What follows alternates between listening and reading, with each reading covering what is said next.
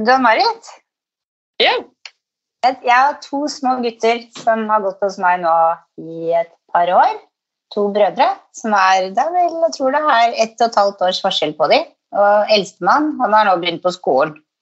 Og så går de sånn kanskje tre ganger i året eller et eller annet og skal ha samme sveis. Og de er sånn som stormer i døra. og Bare ui, gleder seg. Hopper opp i stolen og Og nå sist de var hos meg, så sa mammaen at eh, du skjønner at det er ikke, de er ikke så lange på håret nå. Men nå er det de som har spurt om å få komme til deg. Det er ikke vi som har sagt det.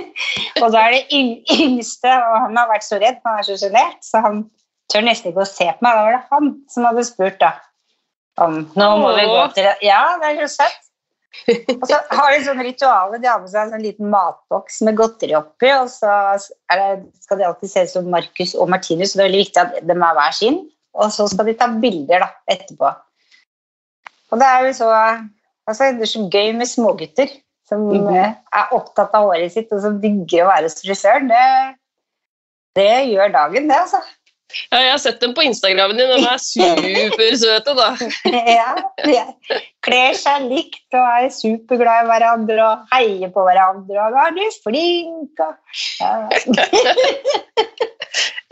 Det er bra start på dagen. ja, det er det, altså. Det er veldig hyggelig å ha dem i salongen. Mm. Mm.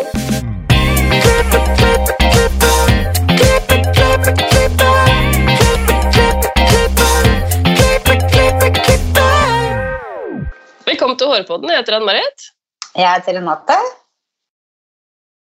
Ja, Hvordan uka har de vært? Uka mi har vært kjempebra.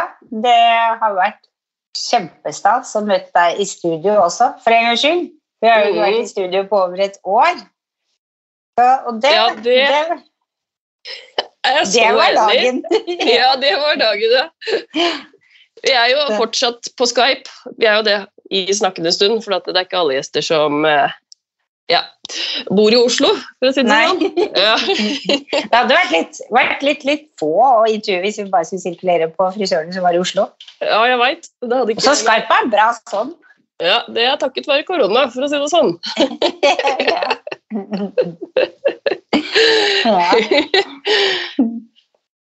Nei, skal vi bare introdusere vår gjest?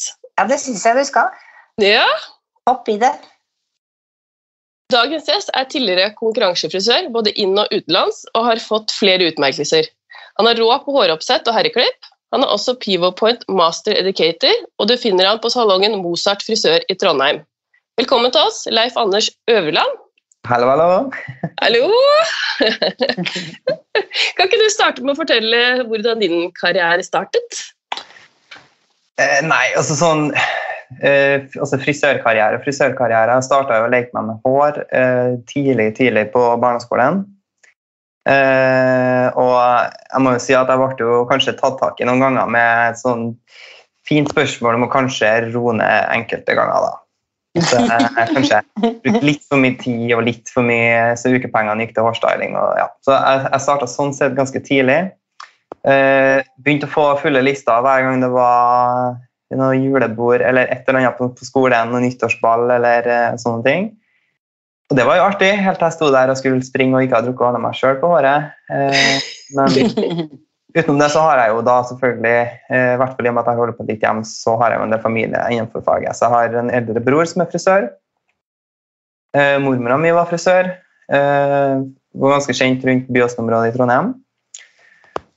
Og så, ja Nei, så, sånn, Når det starta, er jeg ikke helt sikker på, men det har bygd seg gradvis oppover hele tida. Sånn sett, så jeg møtte faktisk på eh, læreren min fra barneskolen når jeg var på flyplassen en gang. Da skulle jeg til NM. Og hun hadde jo da pensjonert seg for å bli eh, reiseguide. Og hun spurte meg eh, da eh, om eh, det ble frisør ut av det. For det har hun gått og tenkt på, liksom, sånn, for hun skjønte jo da at jeg kom til å bli frisør.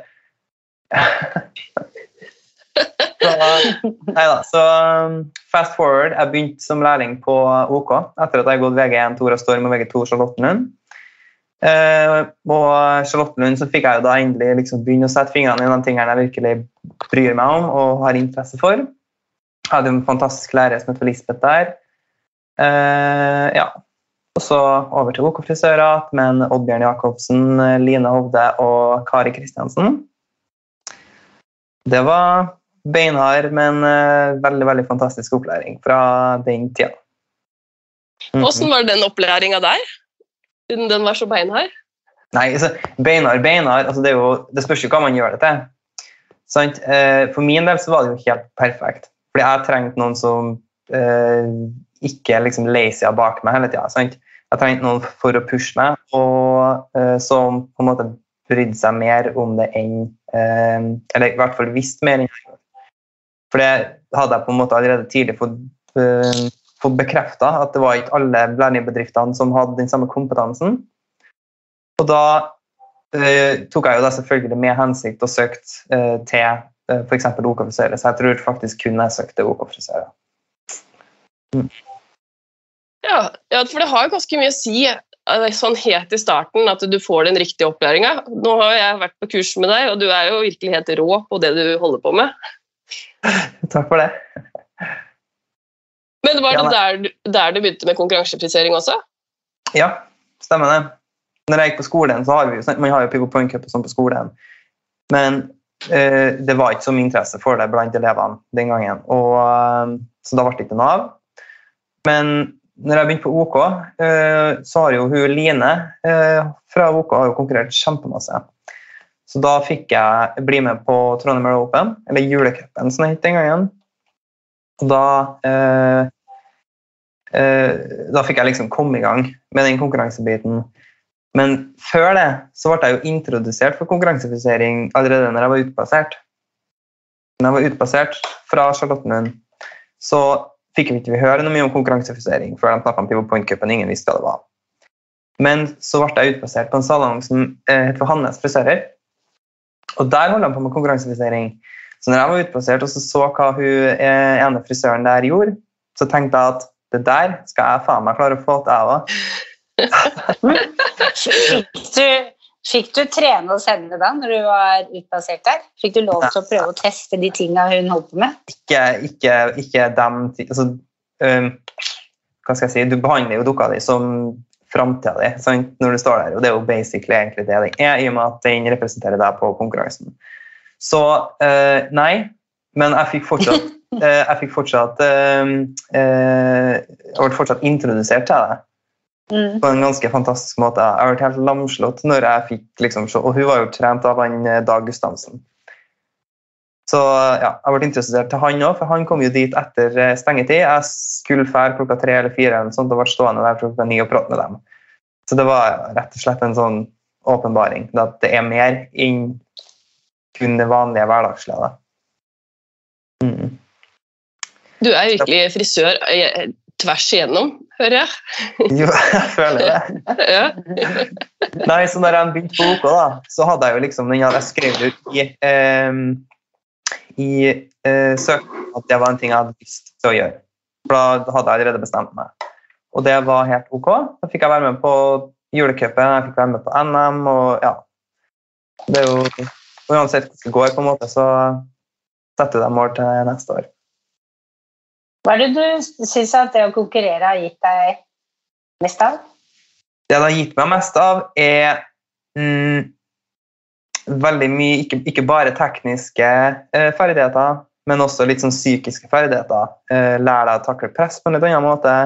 Eh, nå har jeg hatt en veldig flink mentor som har vært med og hjulpet meg i forhold til hvordan jeg skal bruke kroppen og bruke hodet og, og kjenne på hva forskjellige ting jeg skal kjenne på. Eh, formsans er jo en sånn ting som for Du pirker så gærent på sånne små ting at det blir ikke rett før du treffer. på en måte. Så formstans er en sånn ting som virkelig virkelig kommer i konkurransefisering pga. den pirkinga. Det blir aldri bra nok. Og så er det jo når du, får, måte, når du begynner å se resultat, så får du en mestringsfølelse som er ganske fantastisk. da. Eh, og så er det jo eh, sånn Tekniske skills gir deg også muligheten til å lære det bort. Og så er det jo, Med konkurransefisering så går du så dypt i hver eneste lille ting at du får full forståelse for det. Og hvis du har full forståelse for en ting, så blir det veldig enkelt å lære det videre. Men tar det, tar det, lang tid før det sitter i hendene, så du blir skikkelig trygg? Er det masse masse trening bak?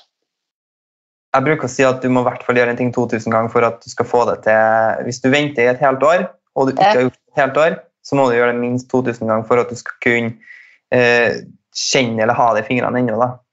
De bindingene i hodet må bli veldig, veldig sterke.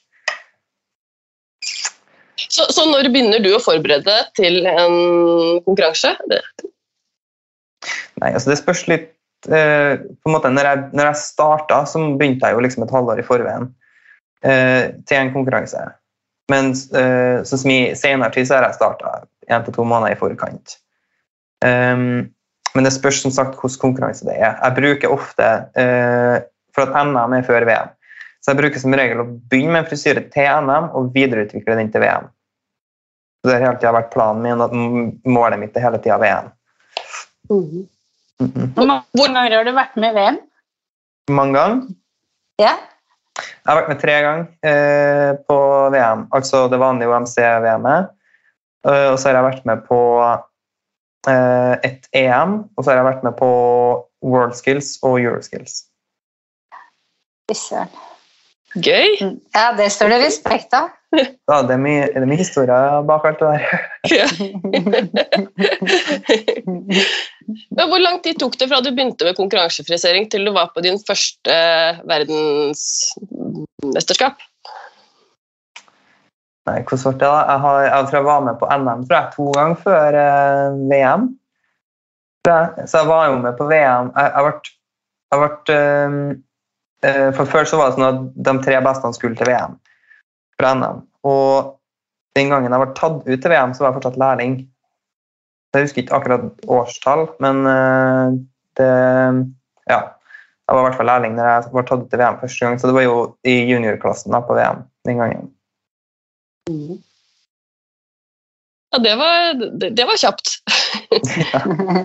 Så rakk jeg jo da selvfølgelig med, i VM-treninga ta fagprøven, og så dra på, eh, på VM etterpå. Da var det i Korea. Råkult. Ja, det vil jeg tro. Det blir mye reising, da. Jo da, det er det ennå. Det, det, det er litt sånn komisk, for en av de verste tingene jeg vet, det er fly. Å sitte på fly. For det er så kjedelig å sitte på fly. Bokstavelig talt det det kjedeligste jeg vet av. Og det gjør du mest av. Ja, sant. Du har jo satt opp veldig mye hår. Hva er det, det vanligste feilene vi frisører gjør? Nei, altså Når det kommer til feil, eh, så er det på en måte kanskje Jeg vil si rett og slett forståelse. Eh, sånn, når det kommer til Norge og en kunde skal komme innom en frisørsalong for å sette opp håret sitt, så det liksom, blir det satt av liksom tre kvarter time på en kommersiell langtårsoppsetting for noen som skal på bryllup eller eh, noe sånt. Ofte, ikke alle, og det blir for dyrt for kunden. Det kommer ikke de til å gå med på. Mest sannsynlig. Noen gjør det, men ikke nok. Så en av de feilene som folk gjør, eh, i hvert fall den største feilen, tror jeg, er at de rett og slett ikke har nok trening bak seg. Mm. For Hvis du har nok trening, så vet du på en måte akkurat hva du gjør. Det blir samme som Når du begynner å klippe for første gang, så får du det inn, og så kan du jobbe med å få ned tida etterpå. Det blir, litt, det blir litt det samme. Eh, når det er snakk om de tekniske liksom, små detaljene, så er det rett og slett preppinga. For dårlig prepping. Og eh, for mye hårspray. Eh, I hvert fall sånn for mye hårspray om gangen. Fordi at sprayer du på et hår med hårspray sånn at håret blir bløtt, så mister du preppinga di, og håret tar 20 minutter på tørk. Så det er kanskje en av de største feilene at folk ikke kan bruke hårsprayen sin riktig. Mm. Hvordan skal vi bruke hårsprayen riktig? Du må, eh, du må tenke på hvor mye shine skal det være i håret, hvor mye hold skal det være i håret. Men en hovedregel som jeg bruker å si, er at du aldri sprayer håret bløtt. Heller legg det lag på lag, men aldri spray det bløtt. For at om du da må stå og bruke fem minutter på å få den ene delen der stiv, for at du sprayer et lag, og så sprayer du et nytt lag, og så eh, stryker du hårsprayen ut Du er borti et hår, men når du ordner langt og bruker hårspray, så må du være borti håret. Eh, hvis du da bruker fem minutter på det, så har du fortsatt brukt kortere tid enn å vente 20 minutter på at den skal tørke. Uh, Bygge lag på lag. Ja, Uh, Det er den Men- mest effektive og sterkeste beste måten å få en hårspray til å sitte på. Uh, Men når liksom... du prepper et hår, hvordan prepper du håret? Ja, det, eh, selvfølgelig i forhold til frisyre. Hvis du tar det fra starten liksom, Ja. sånn, Du har et vått hår. Ja. Ja. Jeg, begynner, jeg bruker å si at jeg begynner med eh, For det første, når det er et langt hår, da snakker jeg langt hår, eh, så er det det der med å, å, å først og fremst notere deg hvilken vei skal håret. Sånn, Skal det ned i nakken, skal det opp på krona, eller skal det f.eks. opp i panna? Helt avhengig av hva du skal lage. Bare noter deg ned retningen på håret. Føn håret tørt. Ikke føn håret, men bare tørk håret med lav varme. For når du begynner å legge mye varme på etterpå, så vil du få bedre eh, holdbarhet i føn hvis du velger å føne. Eller hvis du f.eks. bruker en rulletang eller en krølltang, så får du mer hold hvis du ikke tørker det med for mye varme. Tørk håret i rett retning, og så ikke bruk for mye varme før du skal gjøre en bevegelse. F.eks. Eh, med rulletang eller krølltang eller glottetang, glattetang, for den saks skyld. Mm, fordi at da har du kapsla inn fukten, og da Ja. får du ikke omforma det. Eller? Ja. Så med en gang håret har kjørt seg ned fra at det har vært varmt, så låser det formen på en sånn måte at du ikke får til å bryte opp hydrogenbindingene like mye når du skal lage en ny form etterpå.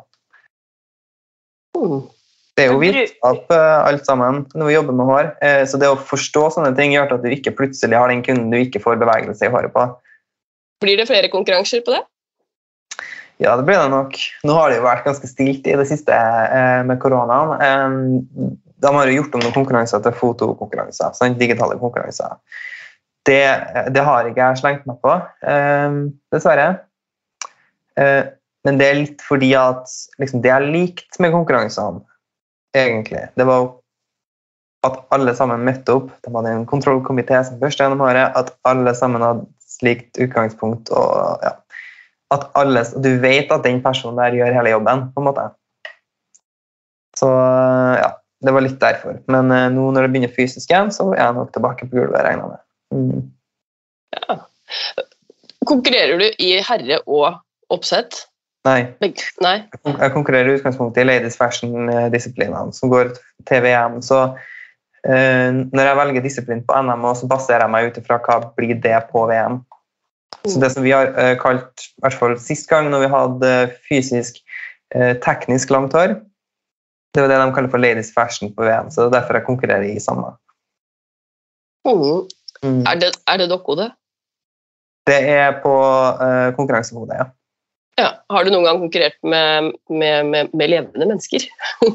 Ja, altså vi hadde jo uh, Vi fikk utdelt modeller når jeg var på WorldSkills og Euroskills, f.eks. Uh, det var jo for så vidt greit. Eh, litt synd å ikke kunne velge modellen sjøl. Mm, skjønner jeg. Så det, jeg husker jeg kom på, på WorldSkills og fikk det oppsettingsmodellen. Og eh, ja Det var sånn butikksjampo ganger ti sikkert i det håret. Og det var langt, og det var nordisk, og det var helt umulig. Og, ja. Det var kjempe...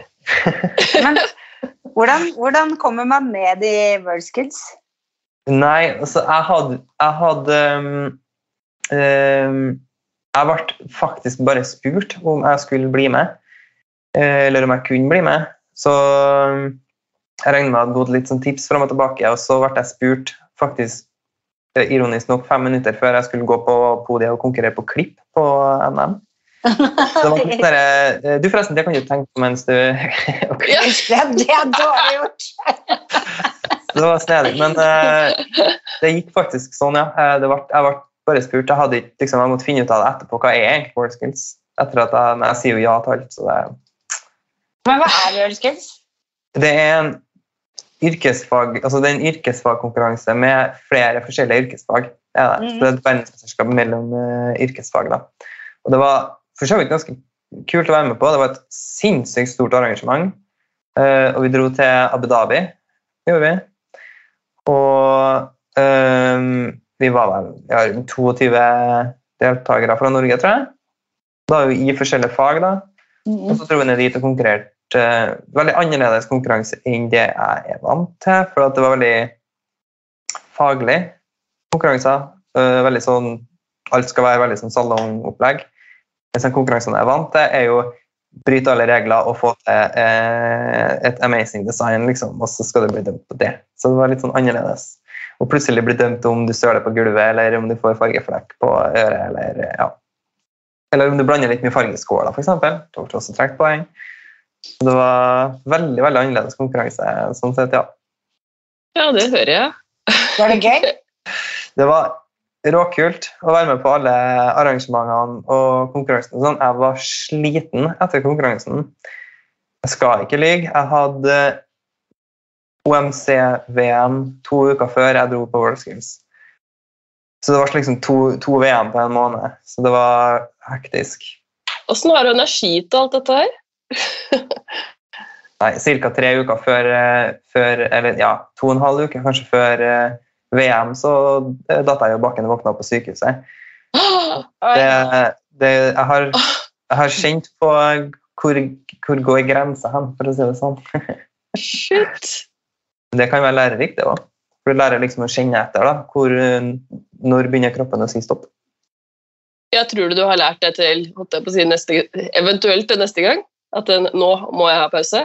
Ja, for du kjenner igjen eh, du kjenner igjen den følelsen. Mm. Når du begynner å komme til det punktet hvor liksom, du føler at du må jage energinivået ditt og presse deg sjøl til å konsentrere deg om små, simple ting, da er det på tide med en pause. Ja.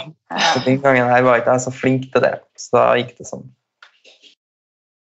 Men nå har du fått en lang pause med koronaen, holdt jeg på å si. Jo da, det har vært eh, den kjedeligste tida jeg har vært borti noen gang. Ja, det skal jeg være enig i. Så jeg ringte og snakka med Nancy og fra Point, Jeg bare Jesus Christ, jeg håper vi får begynne å gjøre noe snart, for nå holder jeg på å dette i gulvet av den motsatte grunnen. Sant? At jeg står noen ting. Det var helt latterlig. Men hvordan, hvordan ble du Pivot Point Master Educator? Um, som sagt så har jeg hatt han Dag som eh, mentor. Mm -hmm. sin personlige mentor. Er det han som legger bølger? Han er kjent som personen som legger eh, bølger. Ja, da har jeg møtt ham på Pivot Point-kurs på skolen, faktisk. Å ja, ja, Kjeller. Mm. det kan jeg. Ja, nei, så han har jo trent meg uh, siden ja, siste tida mi som lærling og helt fram til liksom, rett før koronaen. Så uh, han har jo vært uh, Det har liksom vært pivot point, pivot point, pivot point. Så jeg har vært terpa på det i ja, all tid. Så smekk på fingrene hver gang jeg sier noe eller gjør noe galt. skal jeg si. Og eh, jeg var vikar for han eh, et kurs i Horten. Da skulle han og Nancy dit og holde kurs. Han kunne ikke, og jeg måtte steppe inn for han. da. Og han bare jo, men det her kan du ikke, det går bra. Jeg bare, jeg har aldri hatt pivot point-kurs før. Jeg hadde masse eh, konkurransekurs og sånne ting, men ikke ren pivot point-kurs eh, med den type teori og sånn.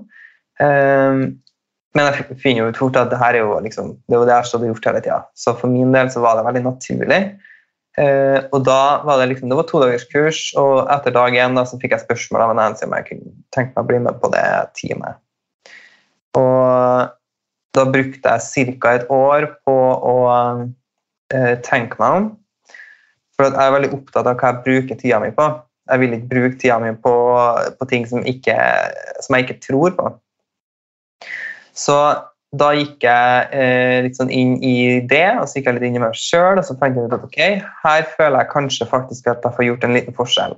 For at eh, jeg kunne jo blitt lærer og liksom hatt ansvar for en klasse, eller jeg kan ta ansvar for opp, eh, eller bli med og ta ansvar for opplæringssystemet og hjel- rett og slett hjelpe lærerne. Sånn at jeg heller får hjulpet alle elevene på de forskjellige skolene. Så jeg føler at det, det, blir- det er en meningsfull jobb, rett og slett. Mm. Kan jeg bare spørre Dag, hvordan er det å jobbe under han? For jeg har hørt mye om han. Han er jo veldig dyktig. Jeg må bare spørre om det først. Ja. Hvordan det er å jobbe med en dag? ja. Nei, altså Jeg og Dag er jo bestekamerater enda. Eh, så vi har jo kontakt eh, hele tida. Så eh, det som er med en Dag, er at han Han er grei å ha med å gjøre hvis du bryr deg om det du holder på med. Så Mm. Hvis ikke, så kan han være ganske ærlig til deg og si at jeg syns ikke du skal sløse bort tida di på, på, på, på ting du ikke bryr deg om eller er interessert i. Han er ærlig. Eh, Det vet jeg at de som kjenner ham fra før òg, mener at han er ærlig. Og det er for min del helt perfekt, for at jeg tåler det. Sånn at eh, for min del så tar jeg det imot, og jeg sier takk for det. For at, eh, at eh, det å få ordentlig, ordentlig tilbakemelding i stedet for Nei, men jeg syns du var flink, jeg. Det har vært noe jeg har trengt, for jeg blir bare irritert når folk ikke klarer å gi meg noen ting som jeg kan forbedre meg på. Og det har han vært flink og gjort, alltid. Uansett hvor fornøyd jeg har vært med noe, så har han alltid hatt noe å peke på det. Det er grunnen til at jeg fortsatt har villet vært med en dag, for han har alltid noe å gi meg. Mm. Men så jobber du mye Mm. Eh, noen moduler, f.eks. modul 5, den med bølger, Ja. er jo da en modul som eh, veldig mange sliter teknisk på, og da kan det være greit å være to Mm. personer. Så ja, vi er ofte sammen, og vi snakker jo sammen hele tida. Mm. Men har det vært målet av deg å, å bli ja, lærer, tydeligvis, men du tenkte ikke på Pivopoint, men å være lærer, det har vært et mål du har hatt? Nei, ikke i utgangspunktet, nei. Men det har jo vært i bakhodet, på en måte, men ikke, ikke som et sånt fast mål. Du vet, eh, jeg setter meg ikke fulle mål som til vanlig, jeg setter meg delmål. For at eh, det å ha mål du vet at du kan gripe etter, eh, det på en måte gjør at det blir enklere for deg å ta tak i det med en gang og gjøre den tingen i dag. Så derfor så eh, setter ikke jeg meg sånne langsiktige mål, men jeg setter meg delmål. Mm. Så det har liksom eh, første målet mitt i utgangspunktet, det var jo å vinne NM. Og, Det er, det er ikke noe lite delmål, det er stort. og så ble det jo å vinne eh, VM, og det eh, står jo fortsatt på tur. Så jeg har ikke kommet dit ennå. Så da får jeg bare ikke gi meg før jeg eventuelt da får det til.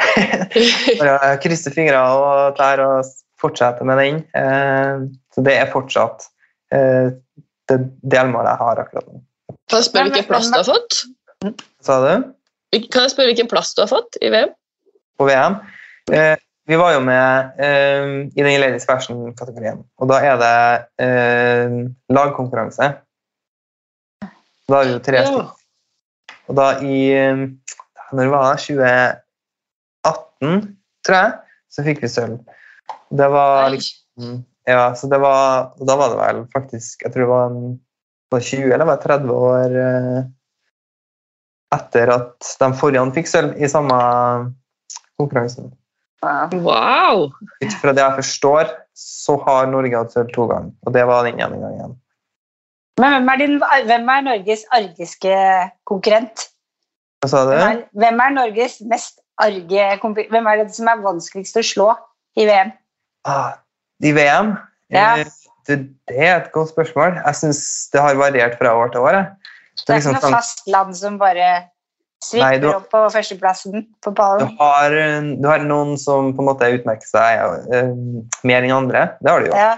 Sånn som Frankrike og, og Korea og, og Kina har jo Ja. Det er jo, de landene der er jo tøffe land, da. Og Russland er jo veldig flink.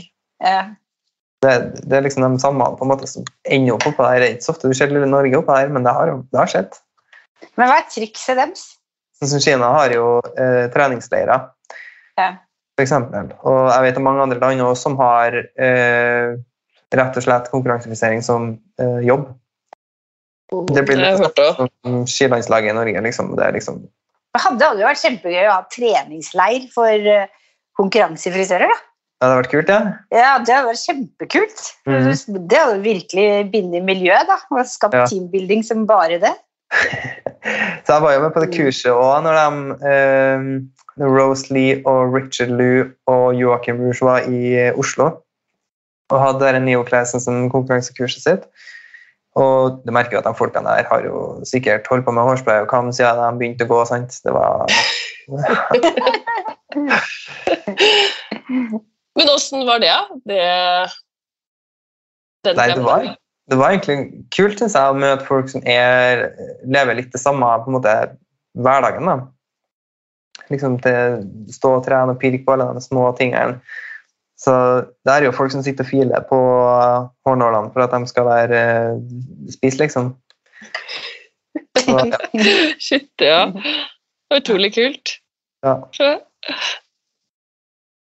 Men dere har jo hatt uh, digitale kurs på Pivopoint, Mm. som jeg selv har fått æren å være med på.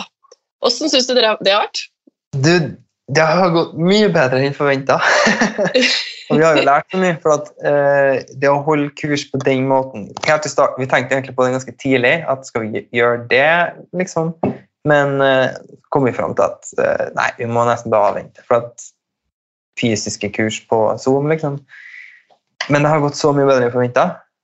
Og vi har jo lært oss å bruke Zoom, vi har lært oss å bruke kamera og ringlight og mikrofoner og alt sånne ting fra før, så det har jo vært en veldig lærerik prosess, sånn sett, og det har vært superfint. Eh, Vi har fått mye positive tilbakemeldinger. Eh, Så selvfølgelig, sånn som helt til starten, så ble det jo litt sånn kluss med hvordan vi skal få rette kameraet på og få mikrofonen til å ta opp lyd og, og sånne ting. Men liksom hadde ikke ordentlig ringlight, så vi tok en lampe og bygde opp på bøker og Vi fikk det til å funke på et vis, og så ble vi bedre underveis. Så alt i alt, det har gått ganske bra. Eh, om vi blir å holde flere av dem, mest sannsynlig, faktisk. Eh, kanskje ikke sånn type workshop-kurs så mye, eh, men eh, kurs som er kanskje litt mer tilegna, eller inspirasjonskurs, for eksempel teknikkurs. Mm, det tror jeg fint kan gå an å ha, ha digitalt, faktisk. Mm. Ja, det føles ut som det er fremtiden som vi bare ble kasta uti. Ja, vi ble jo tvunget til det. Mm. Det var jo kjempesjenerøst. da. Dere sendte ut dokker i fleng og Ja, som sagt, vi måtte få det til å Ja, Um, det er jo helt vilt, egentlig. Og så Det som jeg la fort merke til, det var at når jeg skulle vise fram ting på kamera, så ble det nesten enklere å vise og demonstrere, fordi at jeg kan bestemme hvilken vinkel du skal se det jeg viser deg. Her er det jeg ser på nå. Når jeg holder den i den vinkelen, så ser du projeksjon i forhold til hodefasongen. og sånne her ting. Gjør det veldig visuelt enkelt, men problemet er at jeg ikke kan gå rundt og være Dag Gustavsen rundt folk etterpå. Mm, ja. Ja. Det var problemet. Mm. ja, for det var det jeg på en måte syntes var kjipt eh, første gangen jeg hørte at det skulle være nett, at jeg ikke hadde noen over meg som sa liksom at det er riktig, det er feil. Men mm. alt i alt så syns jeg også det var kjempebra, og jeg har jo på en måte lært hvordan dette her skal funke når det kommer neste gang, for jeg skjønner jo det kommer, en gang, kommer mer nettkurs. Så det er Ja. bare å hive seg rundt og lære seg det. Jeg tror egentlig det er det, faktisk. Nå har jeg jo ordna flere videoer og sånn av forskjellige klipper, sånn, for jeg fant ut at det er så enkelt å visualisere ting på video at uh, vi har nok en ny framtid foran oss, ja. Mm. Tror jeg. Men når du snakker om kurs, hvor mye holder du kurs? Hvor mye jobber du i salong? Det, det er jo litt sånn sesongbasert, ja, det. Uh, men i forhold til uh, sånn som akkurat nå, så har det vært travelt. Vi har, hatt, eh, eh, vi har hatt et par år med korona og masse folk som ikke har fått kursene sine, som vi må ta igjen. Og, ja. Så nå er det ganske travelt. Um, ja. da, jeg rekker liksom å komme hjem, pakke om og fære. Og sjefen min på salongen, takk Gud, syns at det går helt fint. Kundene mine er ikke like happy, men eh, så, ja, det. For du var vel i Oslo nå nylig, var du ikke det? På en Eh, skole? Var ikke du på Studio E? Jo Jo. Eh, eh, skal vi se, jeg har vært der to ganger sist. Jeg, var der, jeg hadde et barberkurs der, og så hadde jeg Eller vi hadde jo Reconnect der, faktisk. Mhm. Reconnect-meninga. Mm.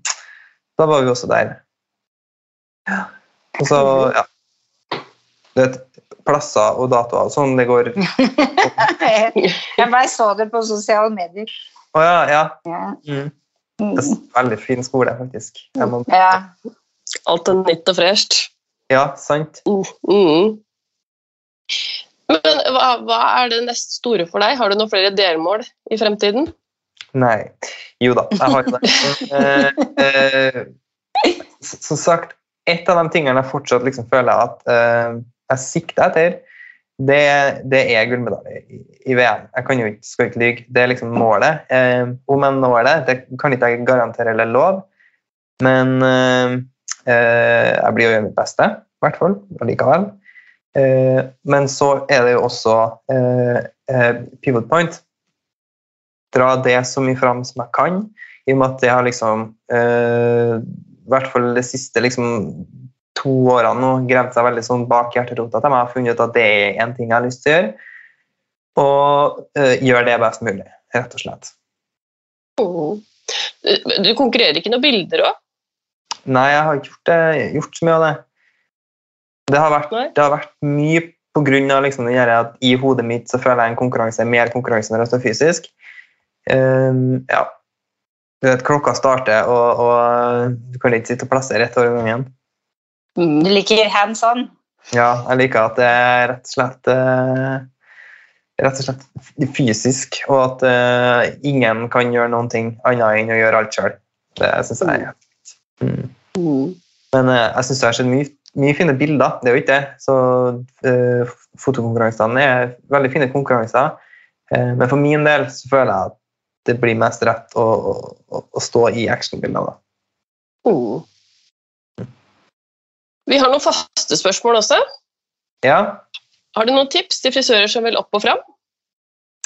Eh, en av de tingene som er superviktig, det er rett og slett at du holder deg rundt inspirerende mennesker, folk. Eh, helst noen som på en måte har nådd sine mål, sånn at du vet at du går i fotsporene til folk med gode vaner. Eh, som da jobber konsekvent imot det, og du får forståelse for på en måte hvor mye jobb ligger det bak, hvor mye må jeg legge bak, og hva kan jeg tenke på, og hva blir overtenking, osv. Så, videre, så, videre.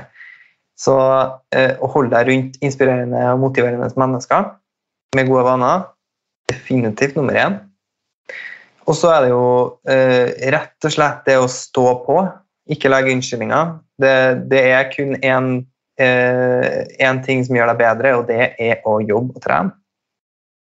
Eh, disponer tida di godt.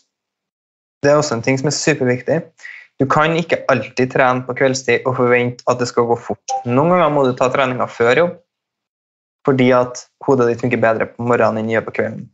På kvelden så blir du veldig detaljfiksert, mens på morgenen så er det mye mer opplagt. Som betyr at du kan gå dypere i det på morgenen. Du får mer forståelse om morgenen. Så å disponere tida si i forhold til hvordan kroppen din og hjernen din fungerer, er superviktig. Mm. Har du noen tips til andre akkurat på det punktet der? Når, liksom, når er nok? Når er nok ikke, når, når, du har jo opplevd det, men de som ikke har opplevd det? Ja. Nei, altså øh, Det første jeg øh, ville anbefalt til dem som står og jobber øh, rett og slett ræva av seg, det er å kjenne på kroppen, høre på kroppen. øh, og Da mener ikke jeg i dag har jeg hodepine eller i dag har jeg vondt i magen, men nå har det gått én måned jeg har hatt hodepine hele måneden, f.eks. Det er et tegn på at du kanskje må roe deg ned. Eh, og hvis du har mistanke, rett og slett dra til legen. Du må, du må rett og slett få en tilbakemelding. Sant? Og så finne ut eh, hva kan jeg for å gjøre det bedre. Ok, jeg må chille, f.eks. Da må du bare gjøre det. Eh, ellers så eh, sant, Du trener jo for å bli bedre, ikke for å bli verre. Så mm, lytt til kroppen. Det er viktig. Veldig bra tips. Mm. Hva inspirerer deg? Det som inspirerer meg eh, aller mest, det er for det første folk som har nådd målene sine. Eh, for at Hvis du ikke når mål, så er det jo ingenting. så Derfor så er det noen, en av de første tingene som inspirerer meg. Hvordan er det denne personen eh, oppfører seg, snakker? Eh, eh, Hvilke vaner har denne personen? Så det er gjerne, er gjerne den personen som følger folk på Instagram for å se hva de legger ut på Story. For eksempel. Hvor lang tid er det mellom storyene? Eksempel? hva har den personen jeg mest gjort imellom? Hva er det de deler, hva er det de da ikke deler i forhold til vanlige hverdagslige ting? Sant? Og eh, sånne ting. Så det er i hovedsak mennesker, faktisk. Eh, når det er snakk om eh, jobbinspirasjon, type eh, form av linjer, farger og design og sånn, så bruker jeg ekstremt mye Instagram og TikTok som eh, inspirasjonskilder på, på sosiale medier. Er du på TikTok selv? Jeg, jeg er på TikTok, men jeg er ikke noe flink i det. Skal jeg være helt ærlig, Jeg er mye flinkere på å swipe litt lenger enn jeg egentlig skulle om kvelden. Men, eh. Hvis du kunne forandra noe med frisørbransjen, hva skulle det vært? Hvis jeg skulle endra noe med frisørbransjen i seg sjøl, så Da har jeg et tips. Ja. Lag en treningsleir for alle som er kjempeinteressert i å sette opp hår. Ja, gjør det! Har jeg, har jeg hatt råd til å, til å det, så har jeg skulle ha gjort det. En av de tingene som jeg syns har- kunne vært greit er å, å se, det har rett og slett vært litt mer samarbeid fra forskjellige plasser. Jeg tror vi kunne ha kommet oss lenger sammen.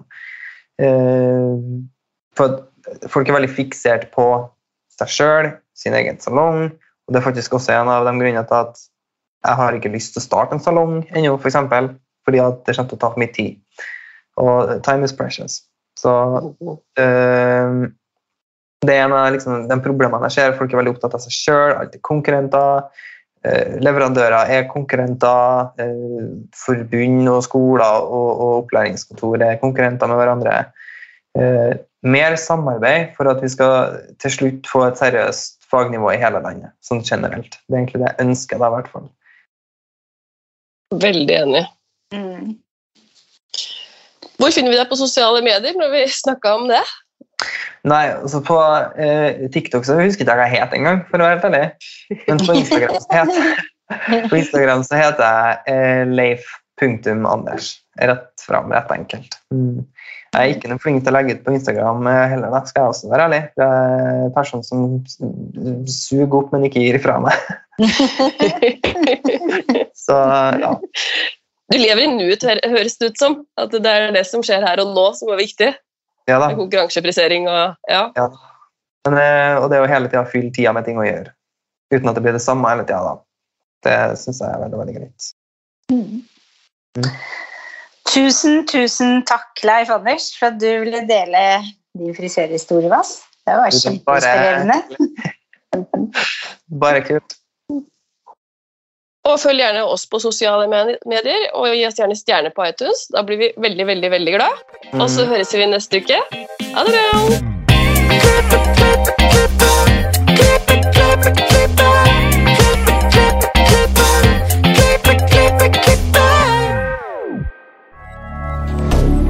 Moderne media. Har du et enkeltpersonforetak eller en liten bedrift? Da er du sikkert lei av å høre meg snakke om hvor enkelt det er med kvitteringer og bilag i fiken, så vi eh, gir oss her, vi. Fordi vi liker enkelt. Fiken superenkelt regnskap.